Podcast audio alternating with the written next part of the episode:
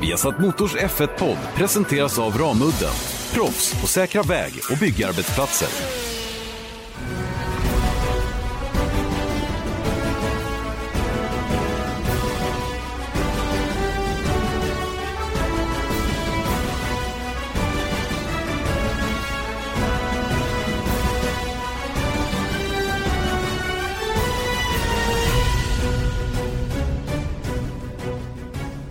Grymt varmt välkomna ska ni vara till en ny eh, Formel 1-podd. Vi har satt Motors Formel 1-podd Janne Blomqvist, Erik Stenborg som sitter och laddar upp inför duellen i öknen, eller Duel in the Desert prata mer om det alldeles strax. Eh, det kommer att få lite snabba nyheter. Vi kommer att prata om banan förstås och Bahrain som sådant ställe. Sen har vi ett långt snack med en kille som vet vad han pratar om, eh, om det här ämnet, nämligen mental träning. Jag menar att Thomas Fogdö är exakt rätt person att prata mental träning och speciellt för racerförare med. Eh, och sen ska vi naturligtvis snacka ner helgens Indycar-race på Kota, Circuit of the Americas. Erik Stenborg, laddad? Absolut, känner livet i mig. Det är bra, det är bra. Som vår kollega Niklas Holmgren brukar säga när det blir mål. Ja, exakt. Eller Gurgel och sånt. Gurgel. Det roliga var att Niklas Holmgren eh, och Håkan Södgren kom förbi boxen när vi skulle starta Indycar-sändningen där. Och det, du vet, det, maken till pratande under en stund från de två tillsammans. Ni kan tänka er själva, man blir helt tagen när man, när man möter de där två. Och så liksom så satt vi i boxen intill och de, de satte igång före oss och man får stänga alla dörrar man hittar för att liksom få lite lugn och ro. Men mm. de är goa, de är goa gubbar. Det, det är alltså hockeykommentatorer, om ni inte känner till dem. Ja, Holmgren är så pass, han är så pass välkänd numera, så det kan man, det kan man nästan ta för givet.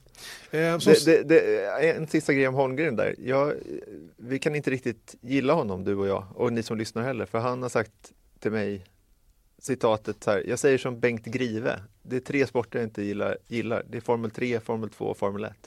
Mm. Så, men han säger på skoj, men... Oftast. Jag, jag, Nej, men han hänger med hyfsat ändå tycker jag Niklas, när man pratar om det.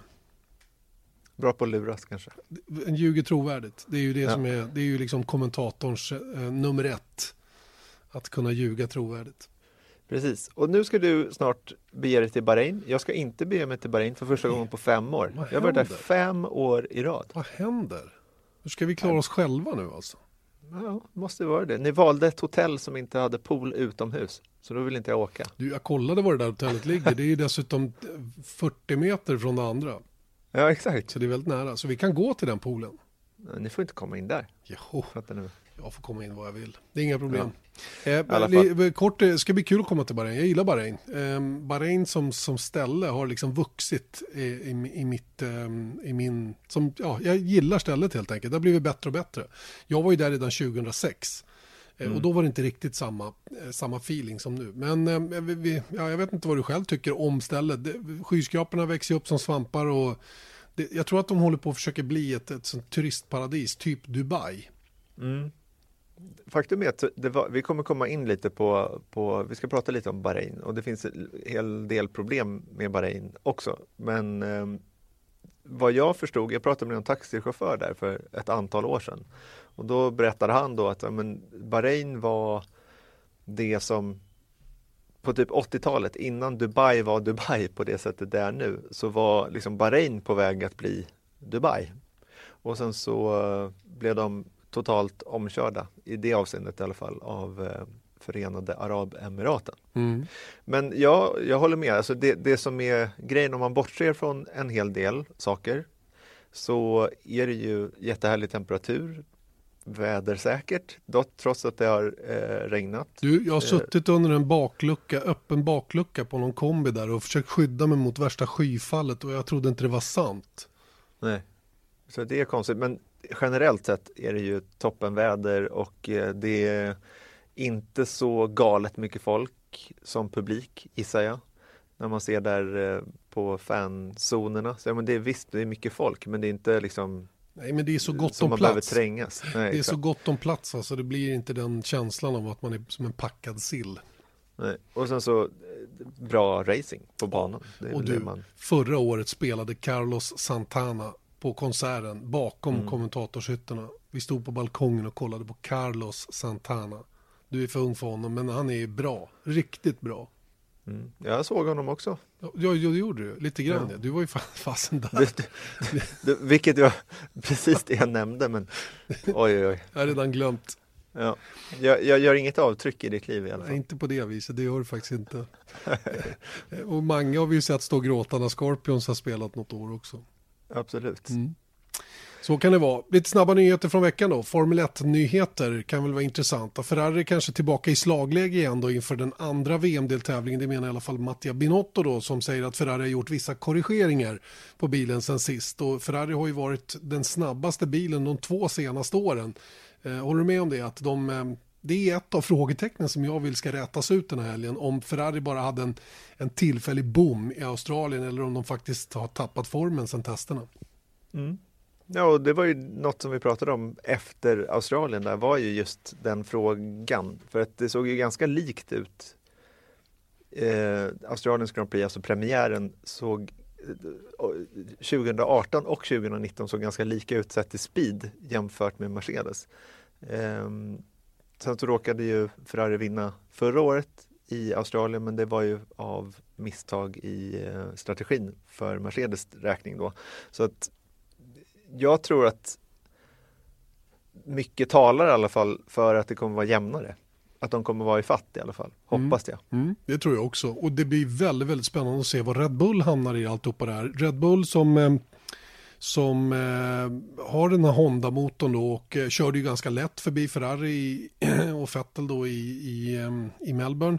Eh, även om jag fortfarande inte tror att det var liksom ett rättvist race att göra den jämförelsen på så hade de ändå bra speed rakt fram.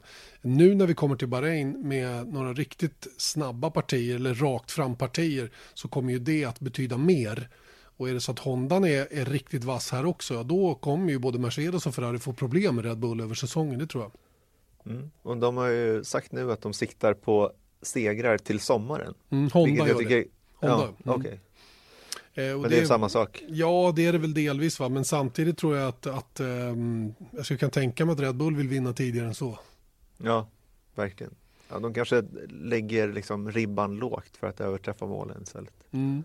Och sen har vi ju då självklart mittfältsfajten som fortsätter vara intressant och även här finns det frågetecken att räta ut tycker jag. Det är ju Renault ovanligt mm. bleka då under, under första helgen i, i Melbourne. Blekare än vad jag trodde de skulle vara åtminstone. Men återigen, alltså jag, jag har nästan parentes runt, eller runt Australiens Grand Prix. Det är, en, det är första VM-deltävlingen, fine. Men den är fortfarande inom parentes. Jag tror inte den är signifikativ för resten av säsongen. Så jag tror att Renault är bättre än vad de lyckades visa senast. Och, men, men ehm, däremot så är de fortfarande klart bakom topp 3-teamen, det verkar ju så. Ja, ja, men det kan man väl konstatera. Men egentligen är det ju här det är ju väldigt spännande att se om det blir liksom en form av karbonkopia från Australien och Bahrain 2018 och Australien och Bahrain 2019. För att till exempel ett sånt team som Haas, som du ska få prata med Kevin Magnusson på torsdag. Det var ju, de gjorde succé i Melbourne förra året och sen så var de mer bleka än, äh, än vad de hade varit i Australien i alla fall veckan efter. Och då var det istället Toro Rosso som var, vet Gasly var fyra där mm. eh, på, i Bahrain förra året. Mm. Så jag menar, och det var ju omständigheter såklart, så där kanske de inte hör hemma. Eh... Inte på ren fart så, va? Men, men, jag håller med dig och det är ju en av Haas stora grejer i år tycker jag, det är att bli mer konsekvent snabba, alltså på alla typer av banor. Visst kan man ha en favoritbana, det är aldrig fel, men de måste vara snabba även på andra banor än, än de som de själva har som favoriter. Eh, och det kommer ju vara avgörande för om man ska kunna vara med och slåss om fjärdeplatsen i konstruktörs-VM. Det, det är min uppfattning i alla fall. Mm. Och sen Alfa, vad, vad, är de egentligen? Tyckte inte, jag, jag, jag, tror att det finns mer att hämta från dem i alla fall. Och visst, Kimi lyckades köra hem några poäng där senast, men eh, jag tror de själva hade nog eh, trott att de skulle kunna vara ännu lite högre upp. Men, men återigen, vi, eh, vi, vi får avvakta den här kommande helgen, kanske även Kinas Grand Prix innan vi på riktigt kan se var, var man står på allvar. Eh, och, va, va, vad ser du fram emot mest då? Just sett till fighterna på banan, vad, vad vore du gladast över att få reda ut? Nej, men jag tror att det, det, det är toppfighten jag vill reda ut. Jag vill, jag vill få kvitto på att vi har tre väldigt, väldigt starka, jämnstarka team där framme. Det får gärna vara ban beroende om man är snabb ena eller andra helgen eller snabbast ena eller andra helgen. Men jag vill inte se Mercedes gå upp och dominera ytterligare en helg utan nu vill jag se något annat team. Det får jättegärna vara Red Bull och Max Verstappen eller varför inte Pierre Gasly som behöver hitta lite fart efter en mindre lyckad första helg. Eh, eller Ferrari. Eh, Charles Leclerc kan ju få, få, få ett eh, succéresultat så här i början så han kan bli en, en, en eh, en, eh, en, eh, en, nej jag ska inte säga en, en, en nål i rumpan på Sebastian Vettel, vad förstår du? Vi behöver mm. lite sådana där grejer, för nu har Bottas satt liksom ribban i Mercedes, Eh, och det, vi skulle behöva något liknande i Ferrari, va? så att det blir lite, så att vi verkligen har fem, sex bra förare som alla är på en nivå där de faktiskt en bra dag kan vinna. Mm. Det är faktiskt väldigt kul, för om man tänker på Indycar-racet som vi såg i söndags så slogs man där då, vi ska komma in mer tydligt på det, men just att där pratar man om consistency hela tiden. Om man inte kan vinna så kan man i alla fall försöka komma femma. Och det blev det ju inte så, för att om man kollar på Ganassi så föll de ner båda, båda bilarna långt bak och sånt där. Det vore väldigt roligt om kanske inte lika stora svängningar eftersom F1 inte är en entypsklass, men tänk om en helg så dominerar verkligen Red Bull på riktigt och mm. sen så nästa helg är det Ferrari och sen så fortsätter den fighten intrateammässigt. Exakt, va? det är lite det som jag skulle tycka var kul också. Det får jättegärna vara rena hjul mot julfighter på banan. Eh, så att säga, va? Där, där man känner att en Red Bull som kommer iväg som trea fortfarande har chans att vinna och inte bara få slotta in sig på tredjeplatsen och bara ha fullt sjå att hänga med utan att det finns finns möjligheter kanske via strategi eller via bättre fart på vissa ställen på banan kunna göra någonting åt sin situation och det, det är väl sånt som många saknar från just Formel 1 då, att, att man får den form av eh, vad ska jag säga, eh, ja, där det inte är så förutsägbart. Då. Mm. Ja, Just det. vi får se hur det går. Sen är det premiär i helgen också. Just det, Formel 2 kör ju sin första helg och Formel 2 blir ju lite extra intressant i år på många sätt. Ehm, jag tycker ju, jag, jag måste tycka det, att bara det faktum att Mick Schumacher, son till sjufaldige världsmästaren Michael Schumacher, kommer att köra i Formel 2 i år, gör det här lite extra hett. Han, mm. det, är någon, det, är någon, det är någonting runt det där namnet som gör att man, man, det drar till sig intresset på något sätt. Han sitter dessutom i Prema-teamet som, som är omvittnat starka. Eh, ända sedan de kom in i sista året i GP2 och även in i Formel 2 här så har ju Prema varit väldigt, väldigt bra. Eh, och eh, Mick Schumacher är ju eh, kanske en bra förare också. Jag är inte riktigt säker på honom än, alltså, det är jag inte, men eh, jag utgår ifrån att han är väldigt skicklig. Va? Man vinner ju inte Formel 3 EM om man inte är skicklig, men, men eh, ja, det finns lite kvar. Några frågetecken runt honom också att räta ut innan jag hyllar honom eh, mer än, än vad jag gjort hittills. Vet du, mm. nu när du säger det, vinna Formel 3 EM. Någon annan som gjorde det, det var ju Felix Rosenqvist såklart, men också Lance Stroll. Mm. Som, jag menar, som du säger, det är ju, man är ingen dålig förare om man vinner Formel 3 EM. Men Stroll har ju fått ganska mycket slack, som mm. man säger på engelska, för sättet han har kanske tagits in i Formel 1 med pengar och hela den här paydriver grejen som, eh, eller betalats in och så, och, och så vidare. Låt oss inte gå in på det, på det nu. Men det finns ju ändå en risk att Mick Schumacher på något sätt börjar ses som en Lance Stroll. Förstår du vad jag menar? Mm, jag förstår, men det kommer aldrig att hända. Det kommer aldrig mm. någonsin ever att hända runt omkring Mick Schumacher om man inte totalfloppar och ändå kommer in i Formel 1. Säg att han blir 15 i Formel 2 första året och 13 år 2 och ändå flyttas upp i Formel 1. Då finns det en stor risk att det här blir liksom ett, ett PR-jippo. Men, men är han med topp 3 första året och kanske vinner år 2, han kanske redan går upp i Formel 1 efter första året, efter en bra prestation, då kommer absolut noll och ingenting av det att finnas runt omkring det här namnet. Det kommer, det kommer de att se till på ett eller annat sätt. Både du och jag vet ju hur den här branschen fungerar när det gäller PR-apparaten så att säga runt vissa förare och där, där är liksom, han är, han är untouchable i det avseendet. Eh, och det, det ska, men det, det, ska samtidigt bli spännande att se hur journalistkåren hanterar det. Mm. Om det uppstår en situation där man kanske inte kan hylla honom o, o, um, eh, vad heter det? Eh, bara kan hylla honom utan, utan någonting. Bara liksom, utan man måste kunna vara lite kritisk och ändå så kommer de naturligtvis att jobba för att han ska ta sig in i Formel 1 och så snabbt som möjligt. Vilket nästa del av den här Mick Schumacher-nyheten handlar om, nämligen att han ska köra för både Ferrari och Alfa Romeo direkt dagarna efter Grand Prix, mm. tisdag och onsdag. Mm. Det, det var Man visste att det skulle komma, men jag trodde inte kanske att det skulle komma så tidigt. Att han skulle få... Abu Dhabi efter lite... säsongen, trodde jag först. Ja, eller Spanien trodde jag att han skulle kunna sätta sig i en Alfa en dag eller någonting sånt. Men att han ska köra för två team. Alltså, alltså veckan, dagar efter han ska tävla sin första F2-helg. Det är ganska, det är liksom, är det inte lite onödig press kan jag tycka?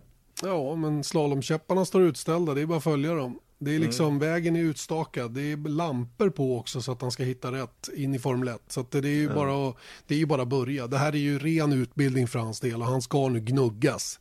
Gnuggas mm. hårt och ni kan ju tänka er hur många kilometer eh, simulator han har gjort inför den här testen. Mm. Eh, och jag fick reda på Marcus också att, att eh, till exempel ratten på Sauberbilen nu, eller Alfa Romeo påminner väldigt mycket om den som, som Ferrari har.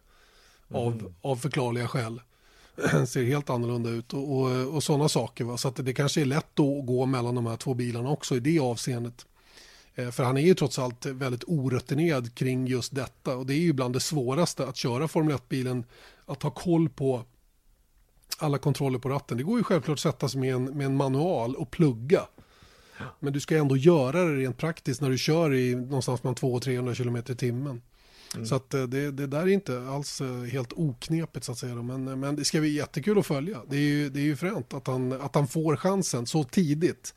Men, men återigen, alltså, det är ju bara det är som en stinkpinne på honom. Det är bara att följa flaggan så ser man att målet är Formel 1 där borta. Ja, absolut. Men det, det, allt kan ju liksom hamna över ända om man inte gör bra ifrån sig i F2. Mm. Och det, jag, menar, jag tänker på det som sades om Lando Norris som började testa hans liksom testprogram för uh, McLaren började intensifieras i slutet av förra året. Ju.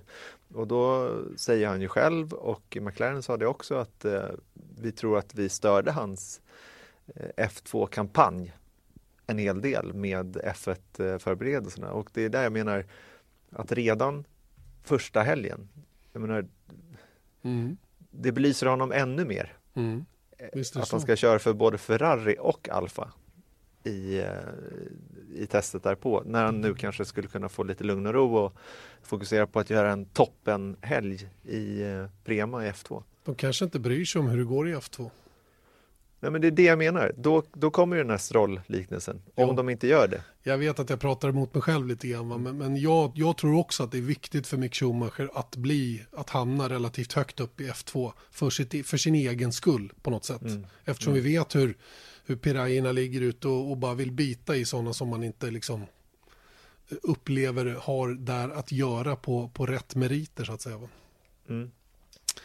Alright, eh, vad säger vi om Miami då? Tillbaka i mixen igen då. Jag trodde det var eh, off helt och mm. hållet. Det var i alla fall det jag hörde senaste gången det röstades om ett eh, Formel 1 Grand Prix i Miami.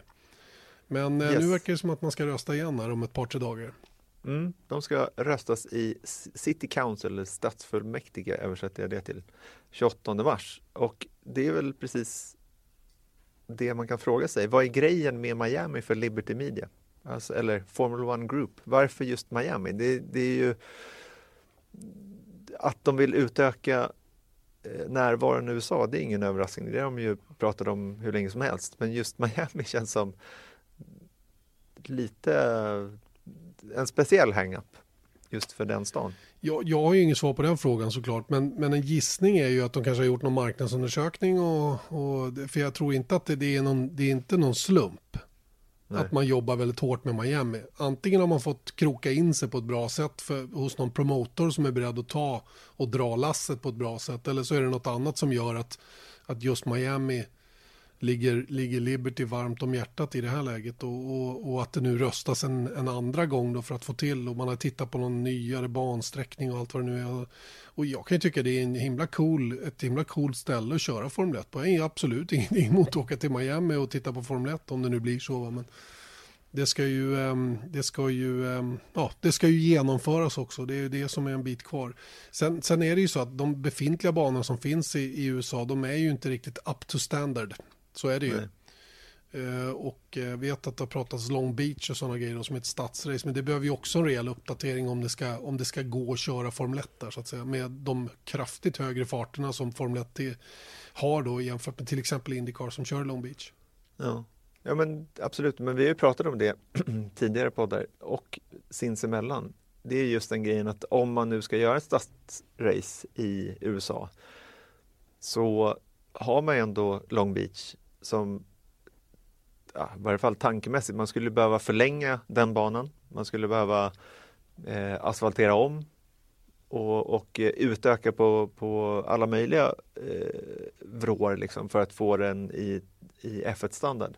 Men det måste vara ändå enklare i en, att liksom öka på en befintlig bana än att bygga en helt ny.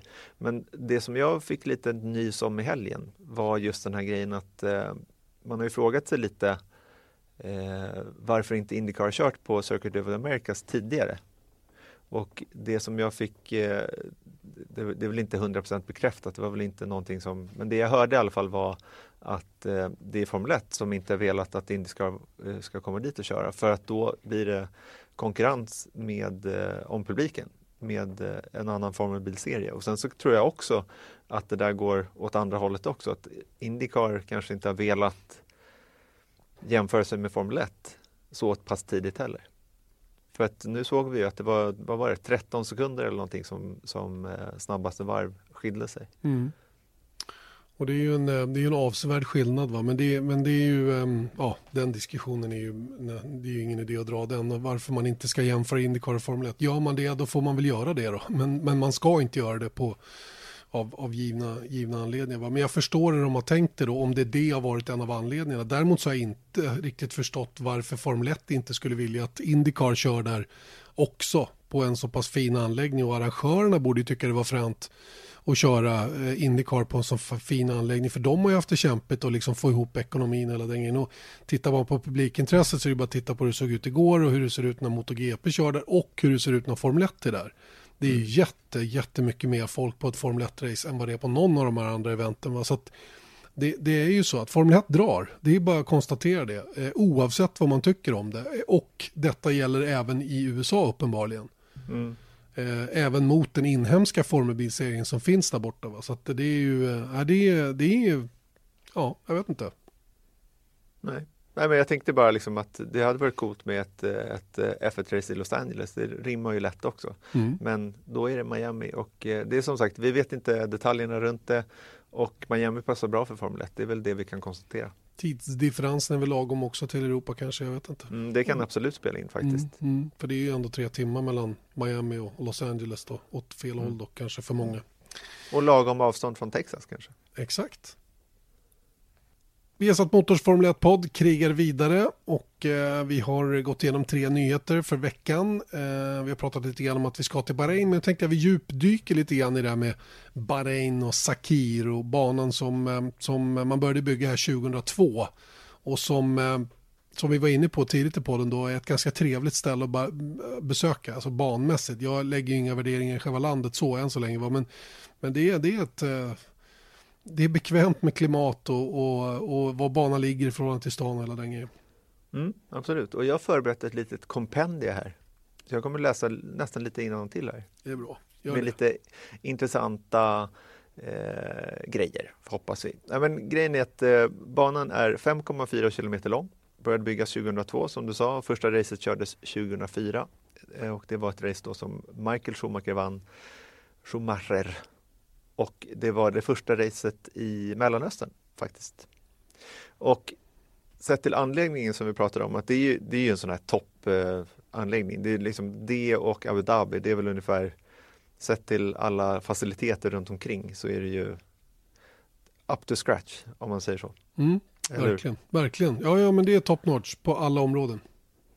Den kostade då 150 miljoner dollar att bygga och det fanns ju bara öken där tidigare så Herman Tilke då som designade banan hade ja, blank canvas att jobba med. Eh, och, men problemet var att till skillnad från Jas Island som är en konstgjord ö, den byggdes ju av sten eh, och de liksom löste det där med sanden genom att eh, ha massa gräs och eh, palmer och asfalt och allt annat. Så det är inte så mycket eh, sand där i Abu Dhabi för det är, det är mitt ute i vattnet egentligen.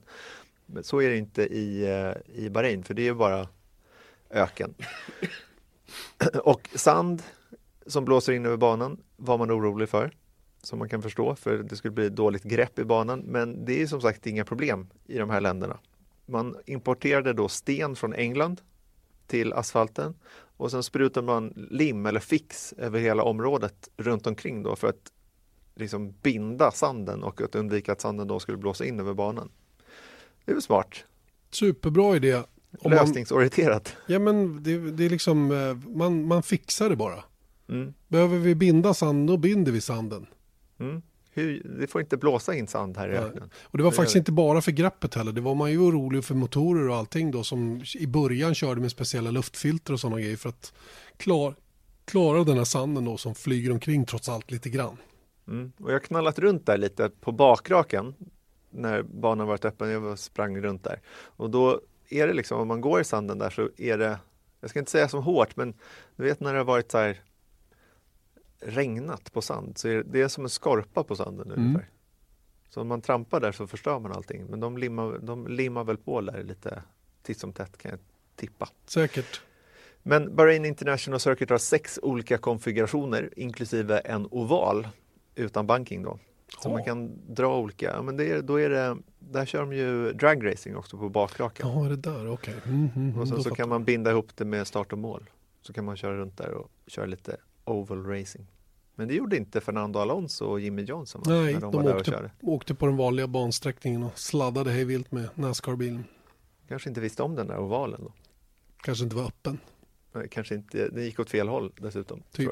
typ. Men Bahrain då som land, det är en östat med 1,2 miljoner invånare varav hälften är födda i ett annat land.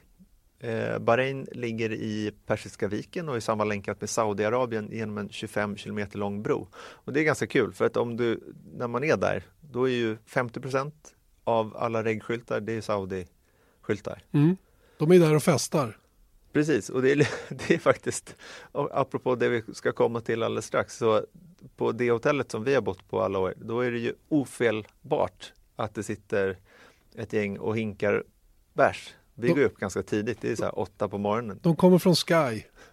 Ja, sett i kläderna så tror jag inte att de kommer från Sky. Nej, okej. De Tror har lucialinne. Ja, men de, de finns, eh, Sky-gänget, de hinkar en del öl också, ska man väl säga. Inte vi. Men då kommer vi till det här med mänskliga rättigheter. Och den som styr och ställer över Bahrains Grand Prix är prins Salman bin Hamad bin Isa Al Khalifa, Oh. Deputy, Deputy King och Crown Prince of Bahrain. Han är alltså son till kungen Emir Hamad Al Khalifa som tog över efter sin far 1999 och införde reformer och eh, mänskliga rättigheter förbättrades väldigt dramatiskt där. Och det läste en artikel om det igår om att eh, det var, de var liksom vid den här tiden 1999-2000 så var de eh, verkligen ett så här föredöme i eh, bland arabiska länder att liksom verkligen ta steg framåt där. Problemet är då att eh, man började dra tillbaka de här reformerna 2007, samma personer, eh, då man införde bland annat då tortyr igen och Amnesty har bland annat beskrivit att staten upprätthåller suppression of dissent, restricted freedom of, of expression och unjust imprisonment och frequent torture and other ill treatment of its citizens. Och under arabiska våren eh, tryckte staten tillbaka protester hårt och det var oroligt i landet vilket i minsta fall bevisades att man ju faktiskt ställde in eh, GP där 2011. Mm. Jag vet att eh, Marcus Eriksson var på plats då tror jag. För eh, undrar om inte GP2 körde helgen innan eller något sådär. Ett, ett, ett första race eller om de skulle göra. Jag minns inte exakt hur det var. Men de var där och det var stridsvagnar på gatorna. Och det var, det var inte alls någon trevlig, trevlig stämning då det året. Nej, och det, jag tror att det var första racet också. Mm. Som skulle, eh, det skulle vara premiärracet och vi debatterade jättelänge och ganska ingående här huruvida vi skulle åka eller inte. Eh, och och jag, jag minns faktiskt att jag pratade med en jag kommer inte ihåg vad det heter, men det, typ som en säkerhetsavdelning som var kopplat till NENT som vi nu heter. Eh, och då var det liksom så här, nej men, och då gjorde de en bedömning huruvida vi skulle åka eller inte. Och då var det så här, okej men om ni åker då ska vi ha med en beväpnad vakt. Gött. Och, eh, och då kände vi, redan innan då man tog beslutet om om att inte köra racet så beslutade vi att inte åka dit. I alla fall. För det var det där med beväpnad vakt kändes inte Du var inte på där. eh, Viasat motormässigt. Det kändes som att det var något som vi behövde. Tänk dig Eje älg med en kolt på höften. Ja, du, Ja. då är man safe. Så. Alla dagar i veckan. Ja, exakt. Nej, det var bra att vi inte gav honom en, Ja. en pickadoll. Alltså. Verkligen. Ja. Hur som helst, alltså det här pågick ju flera år och 2012 var det också protester som man då så att säga inom tecken tillät. Och problemet var ju då att jag tror det var första året som jag var där att, att eh, man liksom tillät protester men det var inte där folk var.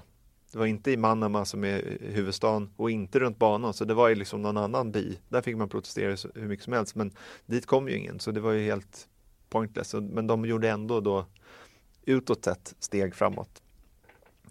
Eh, ja, men hur, hur som helst, det, det, det är ju inte helt oproblematiskt att man kör ett Grand Prix i ett sånt här land. Och sen, sen så är inte eh, Bahrain ensamt i, i, i det omfånget. Jag menar, vi har ju Kina, Baku och Abu Dhabi och Singapore är väl nästan ett exempel de också. Så det, det är ett konstigt land att vara i när man vet att det här pågår ändå. Självklart är det det och, och, och ehm, det, det går liksom inte att glömma bort det helt och hållet. Va? Men samtidigt så blir det ju på något sätt för våran del i den, i den roll vi har svårt att ta in det också. Eh, utan man, man, eh, man, vi åker till massor med länder över hela världen och, och många människor reser globalt över jordklotet och är på konstiga ställen eller, eller i länder där de mänskliga rättigheterna inte efterlevs på det sättet som man kanske önskar. Och det, det är svårt att lösa det som, som singelperson så att säga. Utan man, man, man rättar in sig i ledet på något sätt. Va? Och det blir ju lite som att man sätter på sig skygglapparna och, och, och upplever det som de vill att man ska uppleva såklart. Mm. Och det är ju hela grejen. Alltså vi får ju inte, vet när vi ska förtulla våra grejer in i Bahrain så får ju inte vi, eh, vi får inte filma, vi har inget tillstånd att filma. Utanför, ban, utanför banan. nej. Nej. Exakt, så det var någon gång när vi skulle hålla på på, jag ville spela in någon så här intro uppe på, ett, på taket på hotellet. Och det fick vi inte göra, kommer jag ihåg, för det var Det var då du Eh. stä- ställde ut Eje i stenöknen där vid media, mediaackrediteringen. Exakt, akkrediterat område nästan, eller gråzon där, så, så det var okej. Ja, exakt. Lika Ja. bra. Visst är det det. Nej men eh, ärligt talat, jag var ju som sagt i Bahrain första gången 2006 och det mitt starkaste minne av det var att jag hade en 30 sekunders videosnutt som jag behövde få hem till Stockholm via FTP, alltså filöverföring. Ja. Och jag åkte runt eh, hela Manama faktiskt för att hitta ett, eh, ett café eller någonting som hade en vettig lina. Det tog, det tog fyra dagar att få hem 30 sekunder. Och det slutade med att jag skickade hem det sista på söndag förmiddag från mediacentret på banan. Det visade sig att de hade den bästa li- linan så att säga, men det var ju otroligt, eh, otroligt dålig, dåliga förutsättningar för sånt på den tiden. Det är ju länge sedan nu, det är ju 13 år sedan. Eh, Men det är lite kul att ha varit där så pass tidigt i alla fall. Jag vet att jag bodde inne i stan där och det var inte något roligt hotell. Och, ehm, ja, det, det, var, det, var, det kändes eh, märkligt att komma till det här landet på den tiden. Nu är det något helt annat. Mm. Men du, hur många, alltså jag kan säga på jobbet här, där jag sitter nu, jag är den enda som har varit i Bahrain. ja, det förstår jag. Ja, Det- men det är inte, det, det, annars kommer jag inte till, alltså, Ja, men vem har varför, tror business du, i Bahrain? varför tror du de har Formel 1? Det är ju precis det Exakt. det handlar om. Ja. Och, och, eh, och, och ehm, det är därför de spenderar så mycket pengar på det. För att de vet att oljan tar ju förr eller senare slut. Eller de kanske inte har tillgång till den på det sättet som, som de önskar i all evighet. Va? Och den kanske till och med, gud förbjude, tappar i värde då. Mm. Eh, och, och liksom, då måste ju ha annat att luta sig mot. Och det är väl samma för Abu Dhabi och de här ställena, gissar Mm. jag. Att de måste hitta andra inkomstkällor då eftersom de har levt så gott på, på den svarta guldet. Baku också. Det är Ja. också en sån där grej att de ska, eh, de har ju faktiskt också mycket olja och sen så har de ju eh, Melodifestivalen och Mm. Qatar ska ha Mm. fotbolls-VM och du vet sånt där. Så Mm. det, det är man rör ju sig åt de hållen, minst sagt. Visst är det på det viset. Ja, några slutord om Bahrain då? Nej, de har en men det gör väl så jävla cool gokartbana. Ja, det har de. De körde. VM där för något år sedan. Den är ju riktigt frän. Bell har sitt, sin fabrik där de bygger hjälmar också. Mm. Varit på båda vet du. Ja, jag vet. Men jag Mm. tänkte kanske inte alla har det. nej, nej, men, du behöver inte berätta för mig. Det är väl bara du och jag som sitter och snackar. Ja, men gokartbanan är cool faktiskt. Och det var ju Mm. roligt när vi, gjorde, vi fejkade ett race härom, härom året. Med Gustav Malm. Det var, det var ju nej, nej, jag, jag, jag, Eje vann ju på ren merit. Jag tänkte inte på det. Tänkte inte på det. Men det var roligt att se gubbarna. För Rickard Rydell, han var noga med att tala om att han hade minst släppt iväg Eje och att det var för film där. Det var inte på riktigt. Och... Ränderna går inte ur. Inte en chans. Men du, nu är jag sugen på att höra vad Thomas Fogde har att säga om mental träning, för det är ett ämne som jag kan alldeles för lite om. Jag också, och eh, som ett eh, så är vi på ett annat ställe. Thomas Fogdö sitter på ditt kontor. Eh, vacker utsikt över Botaniska trädgården här i Uppsala och eh, du har ditt kontor på Uppsala slott. Det är inte alla som har det. Hur har du hamnat här? Det, ja men tänk dig Lantisen från Gällivare som hamnar på slottet i Uppsala. Nej, det var egentligen ren flax, men det är fantastisk miljö att sitta i. Om man dessutom lite historieintresserad så kan det inte vara bättre. Nej, det är otroligt häftigt. Och så sen om man gillar höjder så är det ju bra. Enda höjden som finns i Uppsala, där hamnar jag. Så är det. Vi ska inte prata om var du sitter någonstans, men det är coolt att vara på Uppsala slott. Inte ens jag som är infödd Uppsalabo har varit inne i slottet ens en gång tidigare, så det är lite cool. Okay. Eh, mental träning tänkte jag vi skulle eh, ägna oss åt och det är inte så konstigt att vi vänder oss till dig då. Du är ju nyligen då med i Porsches nya förarutvecklingsprogram, Porsche Carrera Cup, som ska matcha fram lite ungdomar just med mental träning. Eh, vad är mental träning? Ska man förenkla det väldigt, väldigt mycket så är det ju någonstans att medvetandegöra. Eh, när du tränar, gör ett upplägg så ska du tro på upplägget. Eh, göra det fullt ut. Har du med dig det så har du oftast en, en grundtrygghet som gör att det blir mycket lättare. Då har du de här tvivlen som alla har någonstans. De kan du lättare styra undan genom att veta att jag har gjort det jag kan. Och räcker det då inte, ja, men då, då är det tillbaka till ritbordet och se vad är det jag behöver förändra och förbättra. Men just det där med att, att medvetandegöra, skapa en process någonstans där jag förstår att ja, men, gör, gör jag det här så blir det bra. Självförtroende som väldigt många pratar om. Alltså, vad, vad gör vi dagligdags för att stärka det egentligen? Och där är ju också det här, alltså lite av att döda myter. Eh, man får inte vara nöjd. Eh, det var väl Ingvar Kamprad som han sa att man får vara, vara nöjd en kort stund när man har gjort någonting bra, max en minut och sen ska man vidare mot nästa. Men det är just det här att har vi nu gjort någonting bra så är det ju kanske idé att stanna upp och fundera på men varför blev det bra då? För det ska du ta med dig till nästa försök. Så mycket handlar ju om att, att vrida och vända. Sen kan man ju lätt överpsykologisera också. Jag tycker om att vrida och vända och försöka förstå. Och ibland kanske jag får lägga band på, men det är inte... Visst är det väl bra att jag förstår, men viktigast är att adepten förstår att ja, men i, i de här lägena så gör jag så här, eller jag tänker så här och det tar mig till fel fokus eller rätt fokus. Eh, vet de det, ja men då har vi kommit en bit på väg. Jag har ju inte svaren, utan det har ju oftast den som, som sitter i bilen eller som står på skidan eller vad de nu håller på med. Eh, vi valde ju Valtteri Bottas som ett exempel då som, som uppenbart har, har förvandlat sig själv då lite grann under vintern och en, en annan approach. Eh, jag kanske upplevde att när han kom till Mercedes så tappade han bort sig själv lite grann. Eh, tagen av att vara i världens bästa Formel 1-team, köra med världens bästa förare och blev lite ja-sägare där och, och, glömde bort sin egen prestation en aning. Och det här kanske kulminerade under andra halvan av fjolåret och Han sa ju själv att han gjorde kanske sin sämsta sin sämsta säsong i Formel 1 och, och blev bara femma, bara femma i mästerskapet och i, i, en så pass bra bil som Mercedes. Nu såg vi den första deltävlingen och vi har sett Valtteri Bottas under vintern också Ehm, ändra attityd. Eh, vi kan inte prata om det i detalj för vi vet inte vad han har gjort. Va? Men, men vad är det man gör? Vad är liksom, det är inte bara att skaffa skägg och bygga lite muskler och tänka annorlunda när du går och lägger dig på kvällen. Jo, nej, så enkelt är det naturligtvis inte. Men jag tror det är en process. Och sen med att som sagt, men nu får man ju spekulera, men att komma in då i ett, ett toppteam som Mercedes ändå är, eh, med en förare då som Lewis Hamilton som är en megastjärna.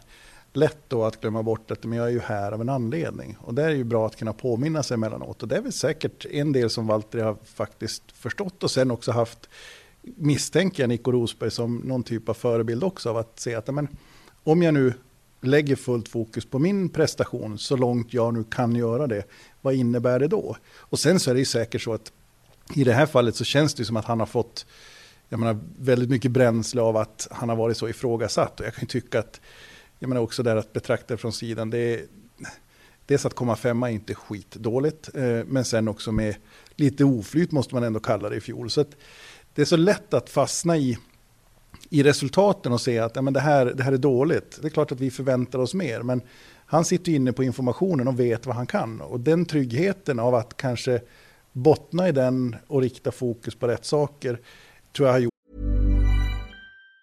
Normally being a little extra can be a bit much, but when it comes to healthcare, it pays to be extra.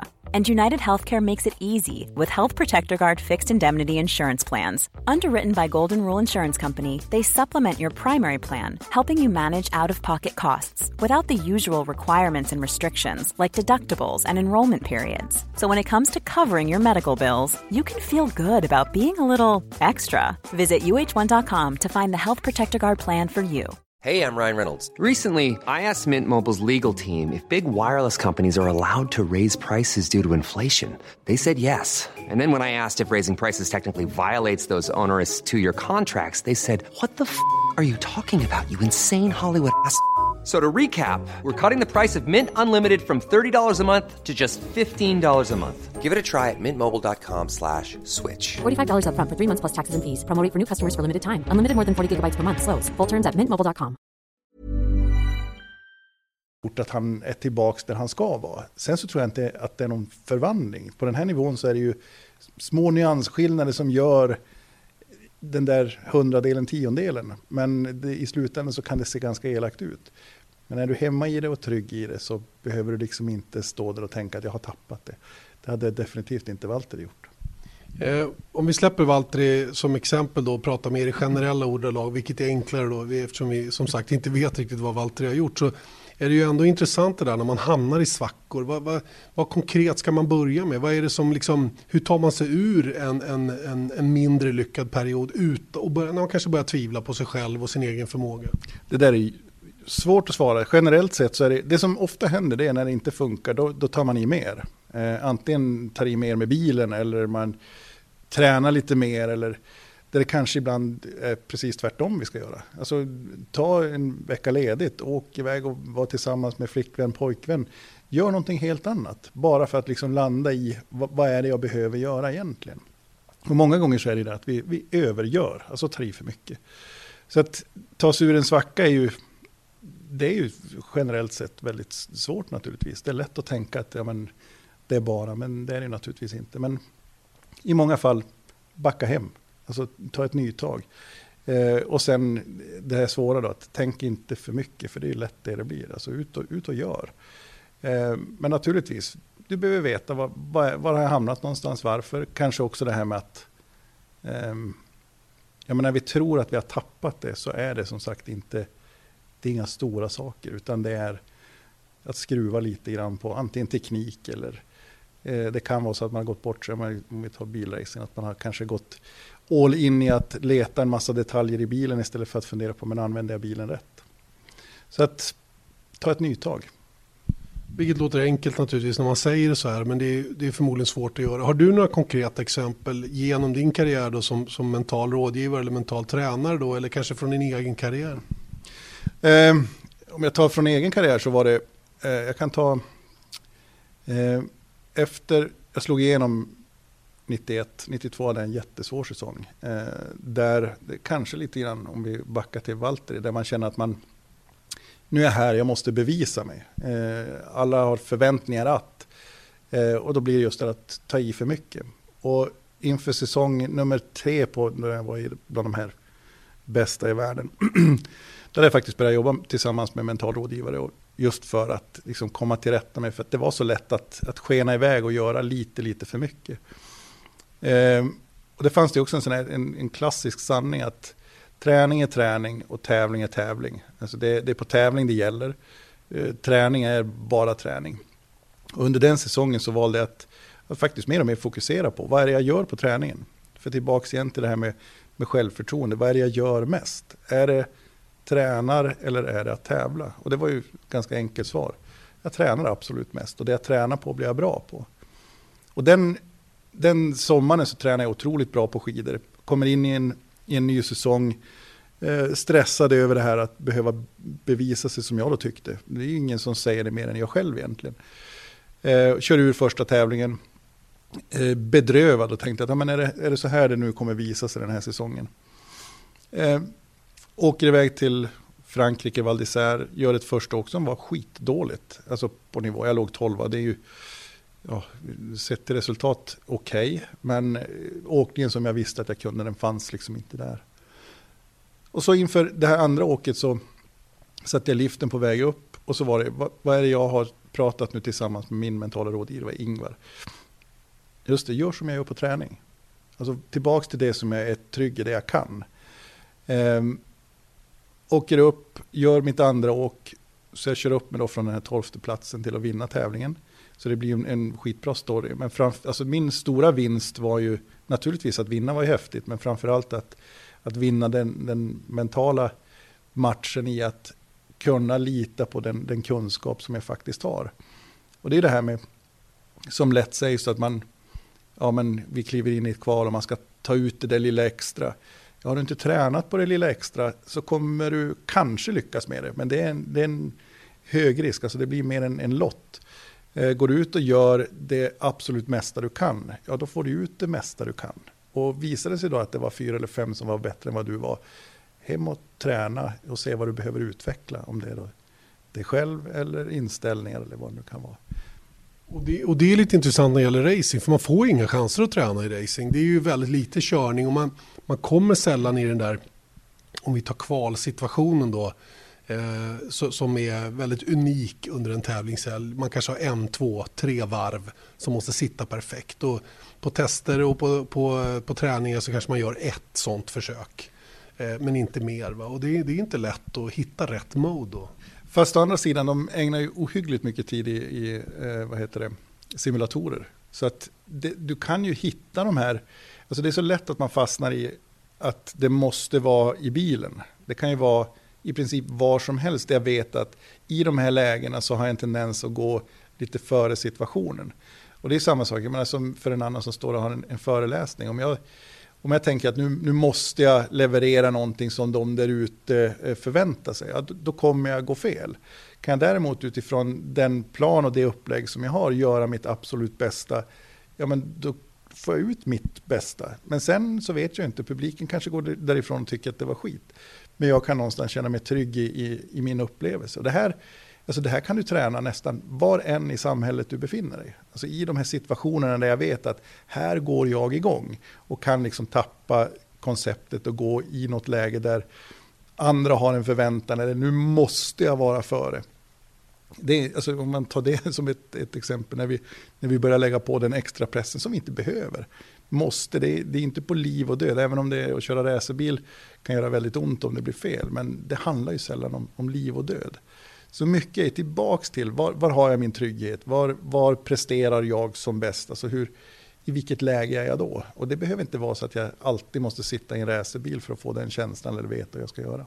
Det där tycker jag är intressant för det är, jag tycker du berör precis det det handlar om väldigt mycket i racing. Då, att, att att eh, alla kan köra bil. Är man i Formel 1 så kan alla köra bil fort. Eh, det gäller bara att lösa upp knutarna på något sätt. Och då kommer vi till det som händer uppe i huvudet och ha rätt sinnesstämning för det man ska göra. Och det, där är ju, och det är väl det då mental träning går ut på. Att, att träna på att komma i rätt läge för att utföra max av sig själv.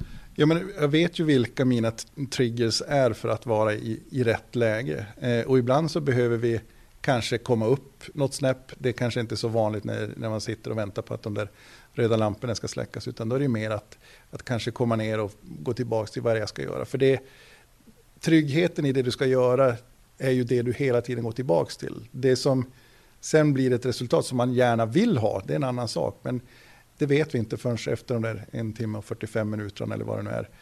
Eh, utan tillbaka till, tryggheten finns i vad ska jag göra, hur ska jag göra det, när ska jag göra det. Eh, har du det på, på liksom 100 procent, ja, då, då blir det bra. Hur gör man den där typen av träning då? Vad gör man konkret under en, en vinter till exempel för att komma i zonen? Så att säga? Vad, vad, vilka övningar kan man, kan man göra? Är det individuellt för varje människa? Det är individuellt för alla, men sen är det ju det är en, en lång process. Det är liksom inte, den där ska ju flyttas in. Dels så sitter du och, och naturligtvis diskuterar tillfällen där det kanske har fungerat dåligt. Eh, men än mer tillfällen när det har fungerat bra. Vad är det du har gjort egentligen? När vi står och betraktar det lite mer från sidan och kanske har släppt lite grann av de här första euforiska känslorna eller ilskan över att det inte, inte gick som det gick. Så kan man se att ja, men när, jag, när jag får min, min tid för mig själv, eller för en del så kanske precis tvärtom, att jag vill inte bli sittandes själv i, i flera minuter eller kanske en halvtimme för att, som då en del tycker, att jag måste in i någon, någon zon. För det gör mig bara än mer stressad. Jag vill tjabba och prata med folk och hoppa ner i bilen och sticka iväg. Ja men bra, det är kanske så du ska se till att... Så mycket handlar om att försöka skapa en förståelse för hur, hur ska jag vara då för att det ska passa mig? Ja just det, det verkar som att. Och sen är det ju ett, ett laborerande någonstans. Det, är inte, det finns ju inte ett enkelt svar. Ibland så går det att få till en, en sån typ av förberedelse som att bara hoppa ner i bilen. Andra tillfällen så kanske det händer någonting som gör att du blir sittandes den där halvtimmen i, i bilen eller uppe på start och får all tid i världen för din, med dina egna tankar. Var ska de vara någonstans då? Ska de vara på det du precis ska göra eller ska det vara på den där eh, sköna sandstranden på, på Aruba? Eller var vill du vara någonstans då? För att liksom få en stunds vila. För det är ingen idé att vara uppe i varv en halvtimme innan du ska dra iväg. Det tar alldeles för mycket energi. Eh, det var någon som skrev på min blogg och som vi pratade om i förra veckans podd också eh, som sa att elitidrottsmän är lite grann av mentala hypokondriker och gärna söker anledningar till varför det inte har gått bra och behöver också anledningar till varför det inte har gått bra för att kunna gå vidare och släppa en mindre lyckad insats. Eh, håller du med om det påståendet att toppidrottsmän och kvinnor är extra känsliga för det där? Um, jag har nog inte tänkt på det så, men jag skulle nog säga att inte hypokondriker. Däremot så är de ju extremt duktiga på att hitta samband. Alltså förstå varför saker och ting blir som de blir. Och sen de som letar en massa bortförklaringar, de blir inga vinnare. Men däremot de som söker förklaringar till varför blev det som det blev och vad kan jag göra åt det, de blir vinnare i slutet. Vad är skillnaden då mellan en bortförklaring och en förklaring? Ja, en, en, bortförklaring, den klassiska är väl alltid att skylla på, på bilen eller teamet gjorde bort. Alltså det är alla de där sakerna som står utanför mig själv. Eh, jag önskar att jag hade något riktigt bra exempel. Det finns faktiskt ett, men vi ska inte ta det. men det, alltså, lyssna någon gång när någon förklarar efter en, en prestation om det är mycket runt omkring eh, som har blivit fel, där de inte tar på sig ansvaret för det som hände, det, det anser jag vara en klassisk bortförklaring. Sen kan det finnas en förklaring i att skidorna var dåliga, eller bilen fungerade inte. Golvet var trasigt. Golvet var trasigt och så vidare. Man, det kan ju vara skönt att, att, ta bort det för att det gör för ont att den här eh, misslyckade andra platsen blev av. Men i förlängningen så funkar det inte. Du, du kommer bara att, att, gå under. Sen kan det initialt vara skönt. Du kan fly från en, en, situation. Men i det långa loppet så kommer du liksom inte lyckas med det. Ja, för det är ju farligt om man går bort sig lite grann och bara hittar yttre omständigheter och inte går till sig själv. För man måste ju hitta balansen där man också utvecklas som, som individ och inser att man faktiskt själv har påverkan på saker och ting. Absolut. Nej, men, och det där går faktiskt åt bägge håll. För det är ju en del som vägrar att inse att det är materialets fel. Utan det är bara de själva. Och där är det kanske till och med uppenbart att nej men, det, det, fungerar. Du måste leta också i materialet vad det är som inte fungerar. Så det är ju precis som du säger en, en balans där mellan material och du. Eh, annars så det är fortfarande en sån sport eh, oavsett om det är skidor eller bilar, bil eller vad det nu är. Ja, det här med självförtroende är i alla fall en, en, intressant, en intressant sak och det har oerhört stor påverkan på din prestation och att leta rätt på det där självförtroendet. Eh, man säger ju alltid att framgång föder framgång och det är väl en, det är väl en sanning som ändå stämmer, är det inte så? Så är det ju. Ja, men, och där har du ju, alltså, får du med ett resultat så är det ju alltid skönt. Om du dessutom kan få känslan av att du, du vet vad du gjorde, ja, det är det absolut bästa. Men det är ju många gånger, och det tycker jag ju Marcus är extremt duktig på, att kunna vända en motgång till att, ja men okej, jag har lärt mig, jag går vidare, jag gör ett nytt försök. Och det här är ju, alltså de som är duktiga på att refokusera snabbt, alltså kunna se att jag, jag vet vad jag ska göra och jag ska göra, ge det ett nytt försök igen. De, de kommer vidare, de blir, de blir duktiga, de kan hantera situationer. Och bevisligen så gör ju Marcus det även efter den här eh, sista helgens eh, aktiviteter. Så det, just det här med förmågan att kunna refokusera snabbt. Alltså att kunna vara på banan igen snabbt och veta vad ska jag göra. Eh, men absolut, framgång föder framgång också. Det är lite intressant att nämna Marcus Eriksson då och Felix Rosenqvist då, som båda körde igår. Felix som hade en fantastisk första helg, hyllad av allt och alla. Kommer till den här andra tävlingshelgen och gör ett jätte, jättebra kval, det snabbaste kvalvarvet av alla och så vidare. Sen blev det då lite tyngre i själva racet och Marcus hade precis omvänt förhållande. De har ju lite olika ingång i det så att säga då. Eh, det här med att vara underdog respektive ha, ha stor press på sig. Man måste väl också se till att man, att man eh, någonstans har rimliga förväntningar på sin egen prestation.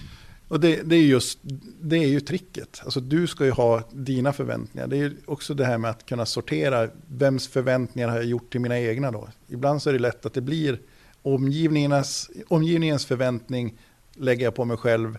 Men kanske inte riktigt kan leverera på den nivån. Och då blir det jobbigt. Där är också den där eviga balansgången. Liksom, att kunna se, men vad är, vad är rimligt?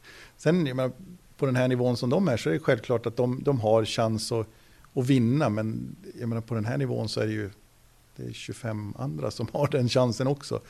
Så att det, det är jättesvårt, men det gäller någonstans att sortera i allt det där. Och det är ju det som vi då som står på sidan om kan vara rätt duktiga på att, att faktiskt sortera i. För vi, även om jag, menar, jag är ju nördigt intresserad av motorsport så, men jag kan ju faktiskt inte riktigt relatera till vad de här normalt sett kan leverera, utan mer istället fundera på vad, vad, hur ser det ut för dig då? Vad, vad, är rimligt att tro? Vad vill du vara? Eh, dels i form av eh, resultat, men kanske framför allt vad är det du vill lämna varje race med för känsla? Och det var ju som jag läste på, på Twitter, Felix som var ganska tydlig med att ja, men jag, jag snurrade och gjorde bort mig och sen så blev det som det blev.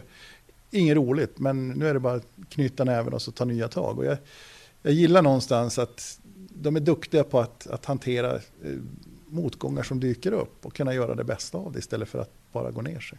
Är den här sporten då som vi pratar om, Formel 1 eller Indycar i det här fallet då, till viss del också det du höll på med att åka alpint som är en, man är ensam i sin, i sin prestation. Är, är den extra utsatt tycker du? Ja, den är ju det, men jag ser och det är det som är så häftigt, det är därför jag älskar alla de här sporterna där du till synes är ensam när du precis gör det, men du är så oändligt beroende av alla andra runt omkring. Och det är där jag kan som den nördigt intresserade av motorsport kan jag bli så fascinerad över när man lägger så otroligt mycket eh, resurser på att, att skapa någonting. Men när det kommer till att skapa kanske den optimala prestationsmiljön så tycker jag inte att man lyckas inom Formel 1 riktigt. Utan istället så är det, det, det är do or die. Eh, och det är inte att skapa bästa förutsättningar för en, en en förare. Eh, och det, det fascinerar mig. Från den idrott jag kommer ifrån, jag var ju ensam. Men dels hade jag ett enormt team runt omkring mig. Jag hade mina konkurrenter som jag tränade tillsammans med. Och vi gav varandra tips och råd. Och då kan en del tycka att det där är ju idiotiskt. Alltså det, ja, det bevisar ju hur dumma i huvudet ni är. Men om man vänder på det så var det ju, vi ville bli så bra som vi kunde bli. Och när vi väl stod på, på startlinjen så visste vi att vi tävlade mot de bästa.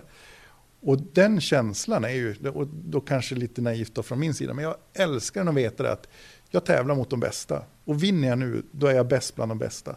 Inte bäst bland de sämsta. Ja, det är fascinerande det där du nämner om just Formel 1 och den här high-tanken som det faktiskt är att vara där. Att man till och med inom ett team inte riktigt känner den tryggheten som, som naturligtvis krävs för att man ska orka prestera på absolut högsta nivå. Det är, det är fascinerande att man, att man inte lägger mer resurser på det när det kostar någonstans mellan 2 och 5 miljarder och köra runt de här bilarna och, och, så mycket pengar investerade i allt det andra. Jag tycker det är helt, helt ofattbart. Och där det, det blir, alltså för mig så blir det fel fokus. Det är liksom, I princip så skulle det kunna vara så, jag kan, jag kan bli näst sist, det är fine, bara min teamkamrat är sist. Alltså det är helt fel väg att gå som jag ser det. Och det, det jag skulle vilja bara få vara flugan på väggen ett tag och se hur, hur gör man för att bygga den här, om man nu säger att man är ett team, men för mig så funkar det inte. Du är team kring varje bil, men inte kring varje märke, vilket för mig är ofattbart med de pengar som är investerade. Eh, det ställer ju också höga krav på de som tävlar på den här nivån givetvis. Att man måste vara fullblodsegoist eller jubelegoist som, som eh, Erik Stenborg myntade senast som ett nytt ord. Att man, man måste verkligen bara skita i allt och alla och bara, bara fokusera på sig själv. Ja, fast jag, jag tror att du kan vinna så mycket mer på att vara ett, ett team på riktigt. Alltså jag, jag är ju, det är väl var och en egoist någonstans. Men jag är ju så pass smart så att jag förstår att om, om vi hjälps åt så kommer vi mycket längre. Eh, jag förstår att Mercedes och Ferrari inte kommer teama upp och, och, ge varandra tips och råd. Det köper jag. Men att man inom ett team är så, så konkurrent så att du knappt delar med dig av det du precis har kommit på. Ofattbart i mina ögon. Så då har du blivit en jubelegoist på ett, ett väldigt, väldigt dåligt sätt. Det finns ju faktiskt ett, ett hyfsat bra exempel på att man kan rädda upp saker och ting också om man visar support för sin förare. Vi hade Romain Grosjean förra året som hade en bedrövlig första halva på året och alla ville sparka ut honom i stort sett. Teamet ställde sig hela tiden bakom honom. Även om det säkert var slitningar internt emellanåt och han, han fick veta att han kanske behövde skärpa sig. Men man, man gav honom den support han behövde och han kom ju tillbaka till slut. Och många borde lära sig av det där tycker jag. Jag håller helt med, för det skapar ju en trygghet. Om du vet att du, du varje tävling står inför faktum att du kanske åker ut. menar, det, det, skapar ju en press som gör att du, du gör allt för att inte göra bort dig. Och det är ju inte det som sporten går ut på, utan du ska göra allt för att det ska bli så bra som det bara går. Vilket också innebär att det ibland blir tok. Sen är det klart de här uppenbara dumheterna, det, det, det måste man kunna ställa krav, speciellt på den nivån när, när eh, de, som de här Formel 1-förarna är på, absolut. Men att du måste ha tryggheten att veta att det, det är inte varje kurva som, som analyseras och avgör om du blir kvar eller inte. Avslutningsvis då, eh, Valtteri Bottas, tillbaka till honom. Eh, är, det hans, eh, är det hans år i år tror du? Har han, eh, det, nu är det ju väldigt eh, från utsidan och, och, och väldigt svårt att, ha något konkret svar där. Men, men känslan ändå nu när du har följt försäsongen och sett den här första deltävlingen att eh, det, det är liksom, han tänker inte ge bort någonting i år. Nej, men och, och det, sen är det ju, jag menar, nu har man ju följt det så pass länge, man ser Lewis som när allt är frid och fröjd, då är han ju fantastisk. Men om han hamnar lite på, på kant, då har han en tendens att skapa mer kantboll eh, av egen maskin. Så att det kan ju vara lite intressant. Sen är det ju, det var första racet, eh, det säger väl kanske inte så där hemskt mycket. Men jag hoppas ju, det skulle vara riktigt, riktigt roligt att få till en, en till, nu blir man ju då så lite eh, nordisk eh, världsmästare igen. Lite patriot måste vi vara. Ja, han blir lite lokalpatriotisk där på slutet, Thomas Fogdö. Han tycker det är kul om det blir en finsk världsmästare och varför inte? Varför inte Valtteri Bottas? Kan man inte unna honom en sån framgång? Det vore väl cool? Om man nu ja. har gjort den här transformationen under vintern. Alltså den med mest poäng i slutet av året förtjänar att vinna VM. Så enkelt generellt är det. sett. Så enkelt är det.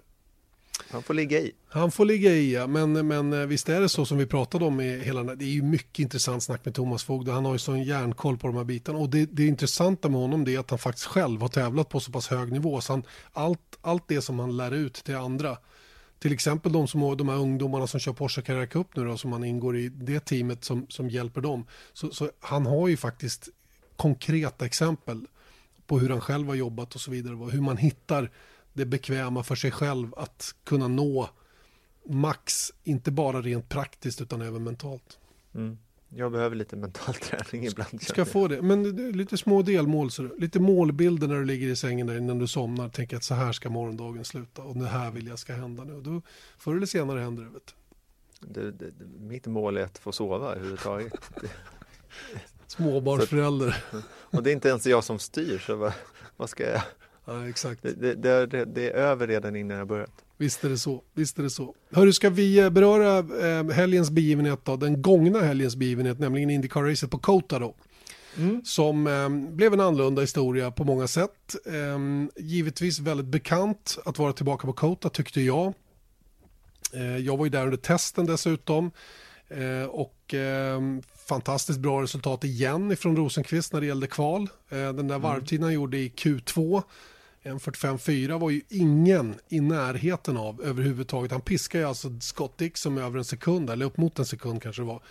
Eh, det var något alldeles enastående hur han fick ihop det perfekta varvet då under, under den kvalkörningen. Eh, sen i Q3 så fick han på ett sätt som han hade kört i Q1 och ändå varit tvåa på 46.4 eller vad det blev. 46.2. Eh, och sen så när han gick ut i Q3 där så bara tappade han greppkänslan. Det var inte riktigt den feelingen som man hade haft i Q2 där. Och det är klart när det skiljer så mellan två olika sätt däck, då, då är det lite lurigt.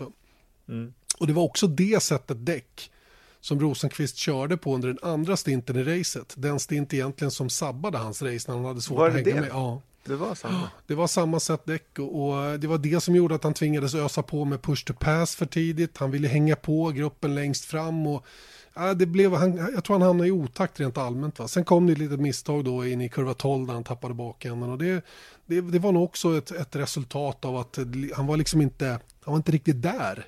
Han tappade greppet då i inledningen och, och um, ja, det var lite intressant. Tvärtom var det ju för Marcus Eriksson egentligen. Ett, eh, ett kval som återigen då med de här reglerna man har i Indycar när det blir rödflagg och inte stannar klockan. Då blev han drabbad, han inte göra sitt snabba varv på röda däck.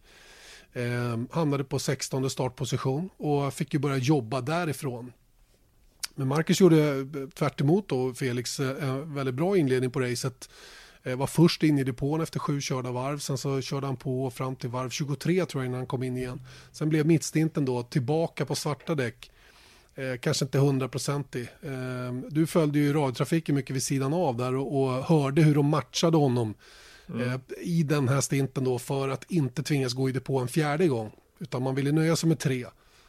Eh, och faktum är, jag har hört bakvägen, att det var tänkt att de skulle köra röda däck där igen. För Marcus började ju på svarta. Mm. Gick till röda och sen till svarta igen och sen avslutade på röda. Men de hade tänkt åka röda även tredje stinten då, men, men eh, valde svarta ändå av någon anledning då. Jag vet inte vad, mm. de, vad de var rädda för där så att säga. Nej, jag vet inte heller. Men du, mm. jag tänker vi, vi kommer tillbaka till racet. Jag vill bara med tanke på att kvalformatet är så pass eh, rörigt, skulle man säga. Just att, eh, att de eh, inte stannar klockan när det kommer en röd flagg. Jag vet då att varför man kör först på svarta och sen på röda däck. Alltså svarta är ju de, det generellt sett långsammare däcken. Eh, men när man i Marcus fall då hade haft kämpigt att hänga med i kval i kvaltrim på kvalsimuleringen och, och sånt tidigare under helgen också. Varför i hans fall går man då inte ut på rött direkt? Vänta, ska jag ringa Marcus och fråga? Ja, men jag, ja, jag, men jag det... tycker bara för alla gör mm, så. Mm, mm. jag pratade faktiskt med Fredrik Ekblom om det, att han, han sa ju att så här, jo, men det är ju, det är ju, dels är det ju den här att banan blir bättre och när det är så små marginaler i Indycar så måste du liksom ta alla tjänster att hitta varenda litet uns av tid. Men han sa också att det finns ju sådana här äh, sanningar i alla olika racingserier, att så här gör man. Det är de här mallarna man följer för att sätta ett bra kvalresultat. Och ibland så sa han att har han upplevt som förare då att han kanske tyckte att vi borde göra kanske på ett annat sätt med tanke på förutsättningarna just då. Men man är så inkörd i att man gör, man gör det på det här sättet bara. Eh, alltså kör svarta först och sen så kör man rött. Så att man liksom glömmer bort att det är en option. Visst, självklart eh, är det på det viset. Och, och det, det, det, som också styr är naturligtvis tillgången på däck.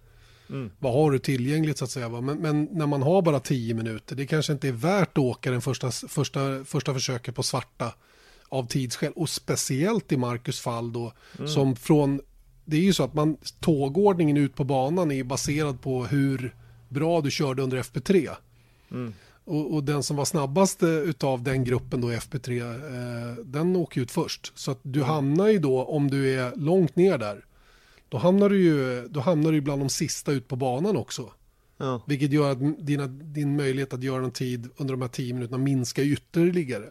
Så ja. jag, jag måste hålla med dig där, att där, där får man nog eh, tänka om lite grann. Kanske ja, i värsta fall köra två set röda då i Q1 för att säkra en plats i Q2 åtminstone. Jag, jag vet inte om det är den bästa lösningen, men, det, men eh, någonstans så kan man ju inte bara sätt, försätta sig i den här situationen att man, att man hamnar i tidsnöd. För ju längre in i kvalet man kommer, ju mer de pushar och när man har mållinjen som man har den innan depåinfarten så laddar de ju så fruktansvärt här på slutet av varvet. Och det är så lätt då att det blir ett misstag där som det blev just på Kota då, där man fastnar i sandfållan. Ja. Eh, Och sen, sen kan de inte köra vidare.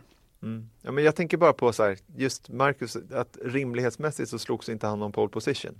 Och då kanske det hade varit så här, ja men jag satsar på att komma topp 10, i alla fall komma vidare till nästa kvalrunda och då, då skiter jag i lite Q3. Mm, då är man sämst har- 12. Då är man sämst Ja, 12 precis. och då kan man ösa ett extra set röda. Ja. Kanske. Eller ja, köra två set röda då i, i, i Q1 och Mm. redan på det första sättet möjligen då göra en så pass bra tid. Att banka in en så pass bra tid att man även om man hinner ut på ett andra sätt röda ändå har en, en mer större marginal. Mm. Ja. Det är i alla fall, det var mina tankar efter kvalet. Det var din tanke efter kvalet ja. Och eh, rent generellt så är det ju så att Smith Peterson Motorsport har ju lite att jobba med när det gäller att hitta rätt med kvalsetappen. De har inte riktigt den plattformen som de stora teamen har och det, det, det har de lite kvar att jobba med. Uppenbart, för att racebilen är det ju sannerligen inget fel på. Det har inte varit någon av de här två första helgerna. Marcus var ju urstark även i, i St. Petersburg på en helt annan typ av bana än den på Kota. Och nu här i, i söndags så var det ju också superbra fart på honom. Eh, och eh, det enda som tog ner alltihopa det var det där försmädliga depåstoppet då, det sista. Där, eh, där han som vinkade ut Marcus på banan då inte riktigt hade koll på läget. Ja, ja och det var ju, alltså jag, jag, det är där jag blev lite så här eh, frustrerad över eh, Alltså det är klart att man har svenskatten på sig där, men jag, jag tycker att eh, oerhört saftigt straff kan jag tycka. Jag, jag, jag var ganska... Är det det? Jo, hade, men- du, hade du tyckt det om någon annan hade varit drabbad? Oh ja. Jag Jaså? hade tänkt att så här, jag tror, jag tror att det, alltså, Vad fick Det- han då i praktiken? Fem sekunder? För det är väl det, Ja, att, det var- att vara där han var och eh, släppa hela och lägga sig längst bak. Ja men ge dem fem sekunder då. Mm. Förstår Ja, ja, ja, jag fattar. Men, eh, ja. Ja, ja, ja, men det, jag blir bara liksom så här, back of the field, det känns liksom godtyckligt. Va, vad är det? Mm. Nej, vänta, och så säger de så här, ja men inte hela vägen, ja, bakom nummer 59 ska det stå. Alla på ledarvarvet va? Var det inte så? Ja, ja, men jag blir bara lite så här, what? Du vet, Mm. eh, det, det, det är ett, eh, jag har aldrig sett ett sånt straff tidigare i alla fall. Nej, nej, nej, men det är hårt. Det är hårt att en förare drabbas sportsligt för någonting som teamet gör. Men vi jobbar, de, de jobbar som ett team. Föraren kan aldrig vinna något om man inte har ett bra team med sig runt omkring. Och då förlorar man också när teamet inte gör jobbet. Det spelar ingen roll vad som händer på banan så att säga. Även om det är föraren som tar all cred när det går bra och hela den biten. Så är det trots allt hela gruppen som måste göra rätt för sig. Va? Så att, eh, det är väl så att man kan prata väldigt mycket om otur för Marcus. Men man kan också säga att Schmidt Peterson har lite att jobba på för det totala paketet.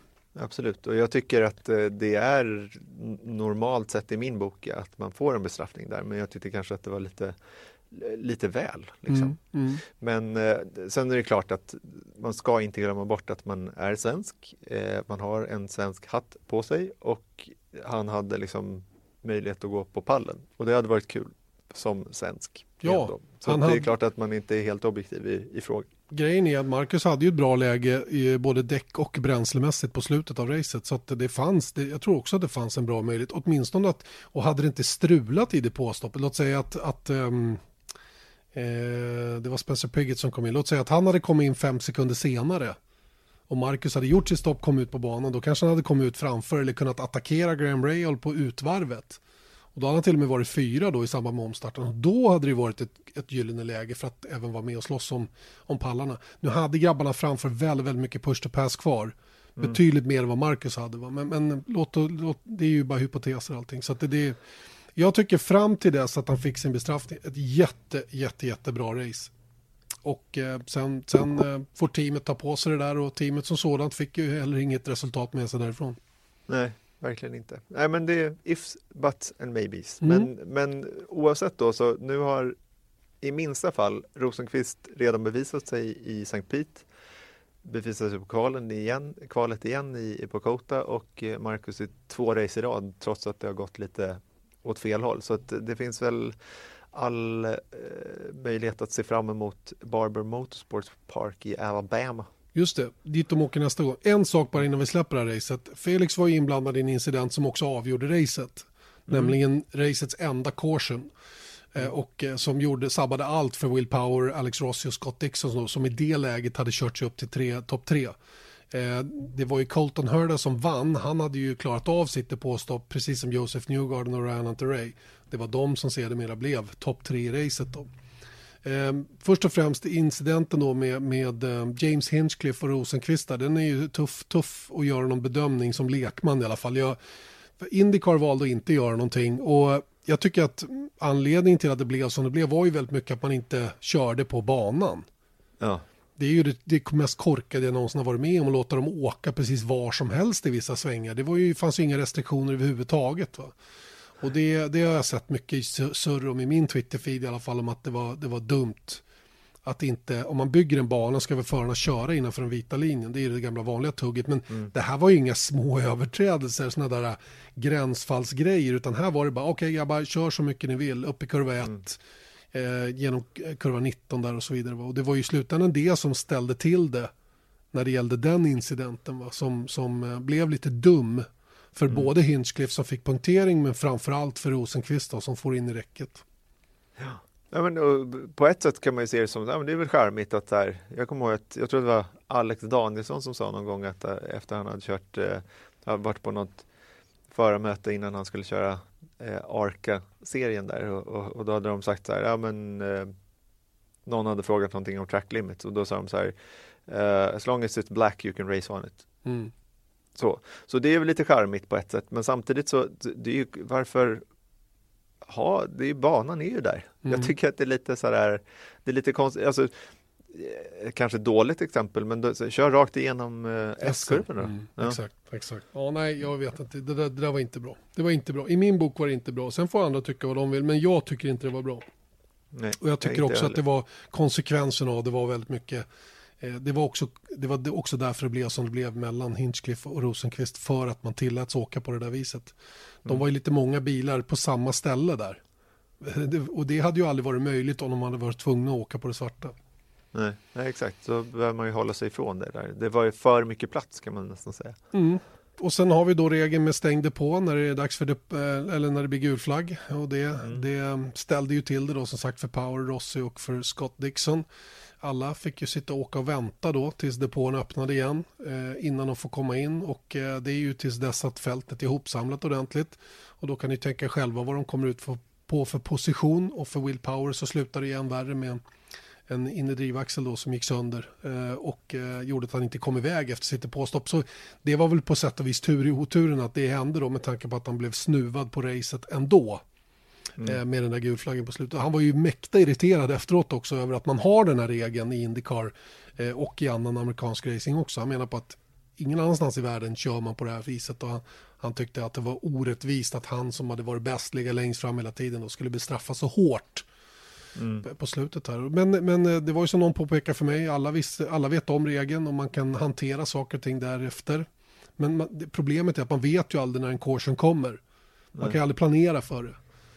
Eh, och det är ju chansning åt ena eller andra hållet. Colton Hurd och de som gick in tidigare, de gjorde ju det. Men de skulle ha kortare med däck också på slutet och fick en längre mm. avslutande stint. Eh, Medan de andra då eh, väntade lite grann och Power väntade ju uppenbarligen på vad Rossi skulle göra innan han reagerade så att säga. Och det blev för sent till slut. Ja, men skulle de inte kunna ha depån öppen? Vad, vad skulle, skulle konsekvensen av Nej, det, det vara? Det är ingen konsek ja. ja. konsekvensen av det, det du ska ju fortfarande ha lite tur med var du är på banan när gulflaggen kommer. Och, och ja, när jo, du blir tvungen att hålla ner. Men just att stänga depån på det här viset och att man väntar till fältet ihopsamlat gör ju att du är totalt gone om du har haft ett kanonläge längst fram. Eh, och det kan inte jag tycka är det absolut sportsligaste sättet. Och det, det tycker jag är ett hårt straff för den som har varit väldigt snabb fram till dess. Mm. Mm. Så, så att på det viset så förstår inte jag riktigt varför man har det så här. Men å andra sidan är det väl så att de vill att det här ska, man ska kunna vara tia med tio varv kvar och så händer en sån här grej och så ska du helt plötsligt kunna slåss om segern.